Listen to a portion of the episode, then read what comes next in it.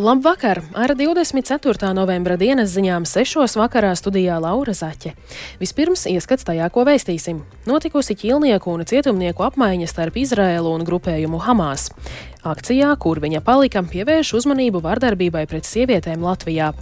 Un vēl sācies tautas balsojums par trīs zvaigžņu balvas nominantiem sportā. Par šiem un citiem tematiem plašāk ziņu turpinājumā.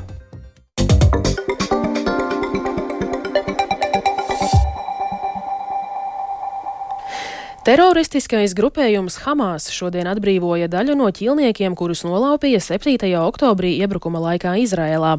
Apmaiņā pret ķīlniekiem Izrēla no saviem cietumiem atbrīvos vairākus desmitus palestīniešu. Gūstekņu un ieslodzīto apmaiņa notika pēc tam, kad šorīt spēkā stājās ar Kataras starpniecību noslēgtais pagaidu pamiers, kam vajadzētu ilgt četras dienas. Vairāk stāsta Uldis Ķesberis. Izraēlas valdība pēcpusdienā apstiprināja, ka Hamas teroristi sarkanā krusta palīdzības organizācijas darbiniekiem ir nodevuši 13 izrēliešu sievietes un bērnus. Atbrīvotos pēc tam nogādāja Ēģiptē, no kurienes viņus pārveda uz Izrēlu. Apmaiņā pret šiem gūstekņiem Izrēla no cietuma okupētajā rietumkrastā izlaida 39 palestīniešus. Savukārt Taizemes valdība paziņoja, ka Hamas atbrīvoja 12 šīs valsts pilsoņus, kurus arī aizveda no Izrēlas 7. oktobra iebrukuma laikā. Nākamajās trīs dienās Hamas vajadzētu atbrīvot vēl 37 izrēliešus, bet no Izrēlas cietumiem atbrīvos vēl 111 palestīniešus. Hamas nolaupīja un aizveda uz Gazu 240 izrēliešus, tāpēc pamiera laikā varētu atbrīvot tikai aptuveni piekto daļu no viņiem. Taču Izrēla ir paziņojusi, ka par katriem desmit papildu atbrīvotajiem gūstekņiem tā pagarinās pamieru par vienu dienu. Pagaidām gan izrēlieši, gan Hamas ievēro pamieru, jo nav ziņu par kaujām vai Izrēlas gaisa triecieniem. Eksperti domā, ka pamieris varētu noturēties līdz pat pirmdienai. Geršons Baskins, kurš savulaik ir vadījis sarunas ar Hamas par ķilnieku atbrīvošanu, uzskata, ka pamieris noturēsies, jo tajā ir ieinteresētas abas karojošās puses.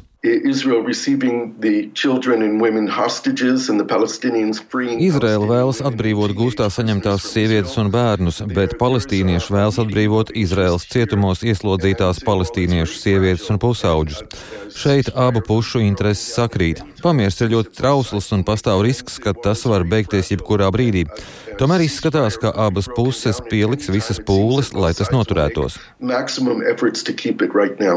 Baskins arī norādīja, ka Hamas būtu izdevīgi, ja pamieru izdotos pagarināt, jo tas dotu laiku teroristiem pārgrupēties un sagatavoties turpmākai kara darbībai. Arī Izraēlas armija šo laiku var izmantot, lai veiktu vienību rotāciju.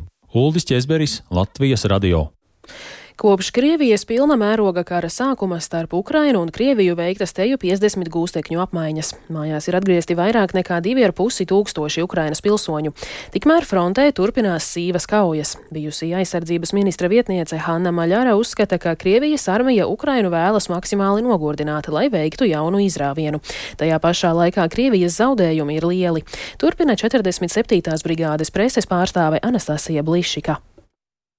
Стосовно росіян, то їх тут дійсно багато, але вони, я ж кажу, рухаються. Kas attiecas uz krieviem, tad viņu šeit patiesi ir ļoti daudz, taču viņi uzbruk mazās grupās un vienkārši mirst.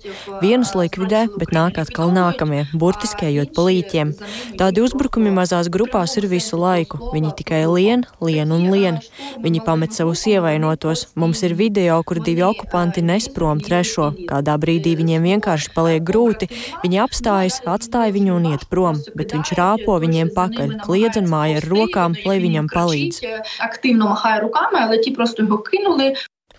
Palīdzība Ukrainai, konflikts tuvajos austrumos un starptautiskā tirdzniecība ir daži no jautājumiem, kas ir Kanādas un Eiropas Savienības līderu sanāksmes dienas kārtībā.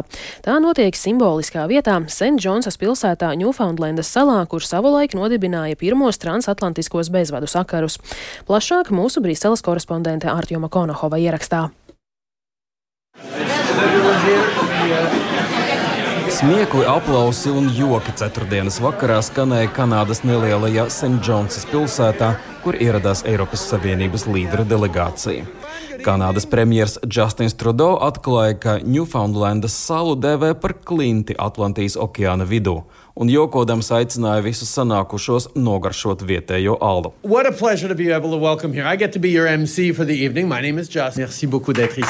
Eiropas komisijas vadītāja Urzula Fonderleina, kura parasti nedzer alkoholu, atjokoja, ka šoreiz labprāt būtu pacēlusi alus glāzi. Ar šiem smaidiem un jokiem gan Kanādas, gan Eiropas Savienības vadība visticamāk mēģina parādīt, cik svarīgas ir labas attiecības ar uzticamiem sadarbības partneriem, it sevišķi šajos trauksmainajos laikos. Tomēr Otavas un Briseles centienus atdzīvināt starptautisko uz noteikumiem balstīto sadarbību aizēno iespējamā Donalda Trumpa atgriešanās ASV prezidenta amatā pēc nākamgad rudenī paredzētajām vēlēšanām. Arī dažāda līmeņa Eiropas politiķi atzīst, ka tas būtu liels trieciens laikā, kad Ukrainai ir vajadzīga stabila ASV palīdzība. Mēģināt pasvietrot labas attiecības un līdzīgu skatījumu uz pasaules kārtību ir būtiski arī tādēļ, ka jau decembrī Eiropas Savienības vadība dosies uz Ķīnu, lai tiktos ar šīs valsts augstāko vadību. Mēdījos klīst runas, ka sanāksme varētu beigties pat bez kopīga paziņojuma. Kanādas samita darba kārtībā ir iekļauti arī jautājumi par sadarbību klimata jomā, kas ir īpaši aktuāli, jo nākamnedēļ Dubajā sāksies ikgadējo ANO klimata konference. Turklāt zinātnieki arvien aktīvāk zvana trauksmes zvanus par straujo planētas sasilšanu. Ar jums Kalnahaus Latvijas Rādio Briselē.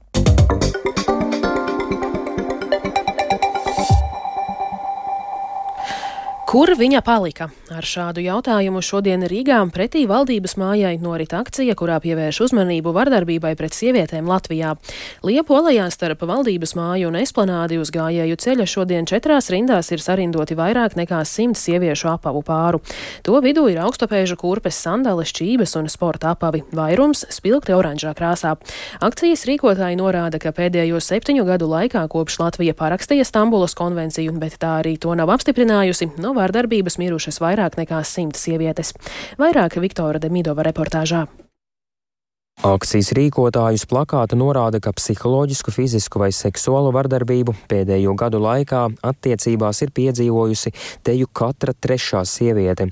Vairumā, jeb gandrīz 90% gadījumu, varmāk bijis vīrietis. Savukārt kopš 2016. gada no partnera, tēva vai cita radinieka rokas nomirušas 133 sievietes. Akcijas rīkotāja Rīgas Zonta kluba prezidente Signe Rodberga norāda, ka gadiem ilgi Latvijā ir sliktākā statistika visā Eiropā. Ar oranžajām kurpēm parādīt, ka mēs reizēm savās diskusijās novirzamies uz kaut kādu terminu skaidrojumu, bet aizmirstam, ka jārunā ir par tām sievietēm, kuras ir nogalinātas, kuras cieš no vardarbības vēl ar vienu. Šīs kurpes simboliski pārstāv tās sievietes, kuras pašas vairs nevar sevi aizstāvēt, bet mēs gribētu aicināt politiķus šajā diskusijā ap Stambulas konvenciju neaizmirst, ka mums ir jārunā par cilvēkiem, tā skaitā par zaudētām dzīvībām. Starptautiskajā vardarbības izskaušanas dienā kurpes pretim valdības namam ir atnesuši akcijas rīkotāji, taču līdz pulksten septiņiem vakarā to var izdarīt arī citi. Vairākus gadus Stambulas konvencija latviešu valodā nav bijusi pareizi iztulkota. To labklājības ministrija atklājusi saskaņošanai iesniegtajā ministru kabineta sēdes protokola lēmuma projektā. Valsts valodas centrs teksta tulkojumā veicis vairākus labojumus, ar precizēto tekstu papildinot virzības likumprojektu. Taču labojumi nemainot dokumenta saturisko vai jēgas nozīmi, jo tie ir tehniski, tā norāda labklājības ministrijā. To uzsver arī par tās virzību saimā atbildīgās juridiskās komisijas vadītājs Andrejs Mārtiņš Judins no jaunās vienotības principā tas ir ļoti labi. Šajā gadījumā, tad, kad nu, es dzirdu 120 dažādu argumentu, nenopietnu, kāpēc mums nevajag Stambulu, jā. Nu, ja tagad sāks, ka ir nolaupīts īstais teksts, ja nu, pēdiņas nolaupīts, ja, tad, un tikai tagad pirms balsošanas ieliks, nu, tas, ir, nu, tas ir nepamatoti. Nu, Mēs valodniekam varam sūtīt regulāri tekstu, un vienmēr būs precizējumi. Nu, saturiski, nu, visiem ir skaidrs, par ko ir stāsts. Vairāk nekā 600 cilvēku aizvadītajos astoņos mēnešos mūsu valstī bija izsludināti meklēšanā. Vairāk nekā 500 ātri vien atrasti, tomēr joprojām meklēšanā ir 81 cilvēks. Raugoties uz datiem, rodas jautājums, vai šeit ir vieta policijas un sabiedrības maldināšanai, tā skaitā, ja tas notiek mākslas vārdā. Runa ir par policijas iesaistīšanos mēneša sākumā it kā bezvēsts pazudušā filozofa, žurnāla Rīgas laiks izdevēja un Latvijas Mākslas akadēmijas asociētā profesora Ārņa Rītu pameklēšanā. Jau tad sabiedrībā sprieda, vai patiesi filozofs ir pazudis. Cerību, ka tā ir performance, toreiz Latvijas radio izteica arī Rīgas laika galvenais redaktors Uldis Tīrons. Tagad Rītups ir atradies un tuvinieki iesniegumu policijā ir atsaukuši. To, kā šāda situācija vērtējama, pētīja Agnija Lazdiņa. Filozofs, žurnāla Rīgas laiks izdevējs un Latvijas Mākslas akadēmijas asociētais profesors Arnis Rītups 12. novembrī izgāja no savas dzīvesvietas Rīgā un vairs neatgriezās. Tā par filozofa pazušanu valsts policijai ziņoja tuvinieki. Sabiedrībā izskanēja dažādi minējumi - performance, protesta akcija, reklāmas triks, uzdzīve vai arī nelaime, taču skaidrs atbildes tā arī nebija līdz 22. novembra vakaram, kad žurnāla Rīgas laiks sociālo mēdīju kontos parādījās video, kurā redzams vīrietis maskā. Man sauc Arnēs Rītups. Es esmu viens no Rīgas lielākajiem muļķiem, taču piedzimis es esmu latviešu valodā. Video Rītups stāsta par žurnāla Rīgas laiks 30 gadu jubileju, redakcijas ievākšanos kādreizējā Latvijas komunistiskās partijas centrālās komitejas ēkā Elizabetes ielā 2 un netieši apliecina, ka nav bezvēsts prombūtnē. Mēs esam izsējuši mušmirus. Valsts policijas pārstāve Gita Gžibauska skaidro, ka ņemot vērā, ka rītu patuvinieki ir atsaukuši iesniegumu par viņa bezvēsts probūtni, jo ir pārliecinājušies, ka viņš nav pazudis, valsts policija ir pārtraukusi viņa meklēšanu. Tāpēc arī nav pamata viņu saukt pie atbildības. Sazvanīt ar Nirītupu vai arī viņa kolēģi, žurnāla Rīgas laiks galveno redaktoru Uldi Tīronu, Latvijas radio gan neizdodas. Arī Latvijas Mākslas akadēmija situāciju atsakās komentēt, norādot, ka to risinās iekšēji taču cik pareizi ir bijusi Jārņa rītu rīcība. Vērtēt pēc būtības, vai situācijā var konstatēt ļaunprātību vai negodprātību, ir diezgan sarežģīti. Tā uzsver advokāte Viktorija Jarkina. Protams, ka ja tas viss notika saskaņot ar radiniekiem, jā, nu tad faktiski mēs varam runāt par nepatiesu ziņojumu policijas sniegšanu, par ko īstenībā ir paredzēta arī krimināla atbildība. Bet otrs, šeit droši vien ir jāsaprot, kāds ir bijis tas patiesais mērķis tādai rīcībai. Nu, neviens jau nevar liekt cilvēkam pilnīgi pazust. Plašāks skaidrojums par Arņa Rītupa pazušanu šobrīd nav zināms, un arī video Arnis Rītups beidz ar aicinājumu mācīties no sēnēm, vēlot visu varu, slavu, baudu un naudu muļķiem, taču darbu visiem pārējiem. Agnija Lazdiņa, Latvijas radio. Un ziņu noslēgumā par sportu. Šodien sācies tautas balsojums par trīs zvaigžņu balvas nominantiem sportā. Tas turpināsies līdz 4. decembrim, un katram ir iespēja vienreiz dienā nobalsot par savu favorītu. Tautas balsojums veidos pusi no gala rezultāta. Šogad pirmo reizi Latvijas sporta vēsturē kādā no kategorijām nominēts arī e-sportists. Tas ir Helvijs Saukans, kurš pazīstams ar savu video spēles segvārdu Brokī. Viņš ir nominēts gada labākā tehnisko sporta veidu sportista kategorijā.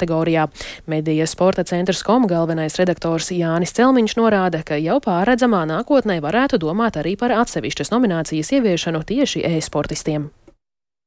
Šobrīd, ja varbūt, teiksim, tā domājot, ja nākamajiem gadiem ir kaut kādas jau diskusijas par to, ka varētu būt sava atsevišķa nominācija šajā tieši e-sportā, jo skaidrs, ka šis ir veids, kurš varbūt, nu, viņš īsti nav salīdzināms ar klasiskiem sporta veidiem, tāpat, nu, tikpat labi mēs viņu aizmirst pilnībā un nolikt malā nevaram, redzot, kā e-sports kopumā attīstās gan pasaulē, gan reizē arī Latvijā, kur mums ir vairāk jau vadoši spēlētāji. Bet no nu, aizdītajā gadā Brokī bija tāds, un nu, viņš, ir, viņš ir nominēts, par ko man jāatzīst, ir uh, arī, arī prieks. Trīs zvaigžņu balvas svinīgā pasniegšanas ceremonija plānota 17. janvārī.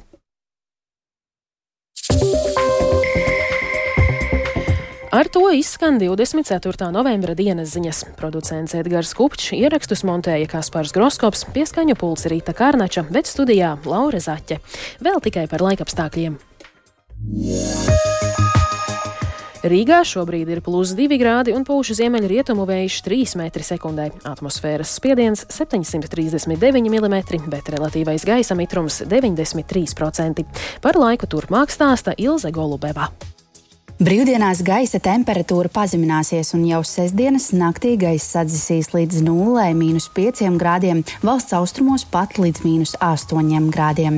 Arī dienas laikā teritorijas lielākajā daļā pieturēsies sals, lai arī debesis brīžiem skaidrosies un uzspīdēs sauli gan naktī, gan rītdienā daudz vietas sniks un vietām stipri. Līdzīgi laikapstākļi gaidām arī svētdien, vienīgi svētdien kļūs vēl par dažiem grādiem augstāks. Ziemai raksturīgi laikapstākļi turpināsies turpināsies arī visu nākamo nedēļu. Bieži gaidāms sniegs un gaisa temperatūra kā naktīs, tā arī dienās būs zem 0 grādu atzīmes.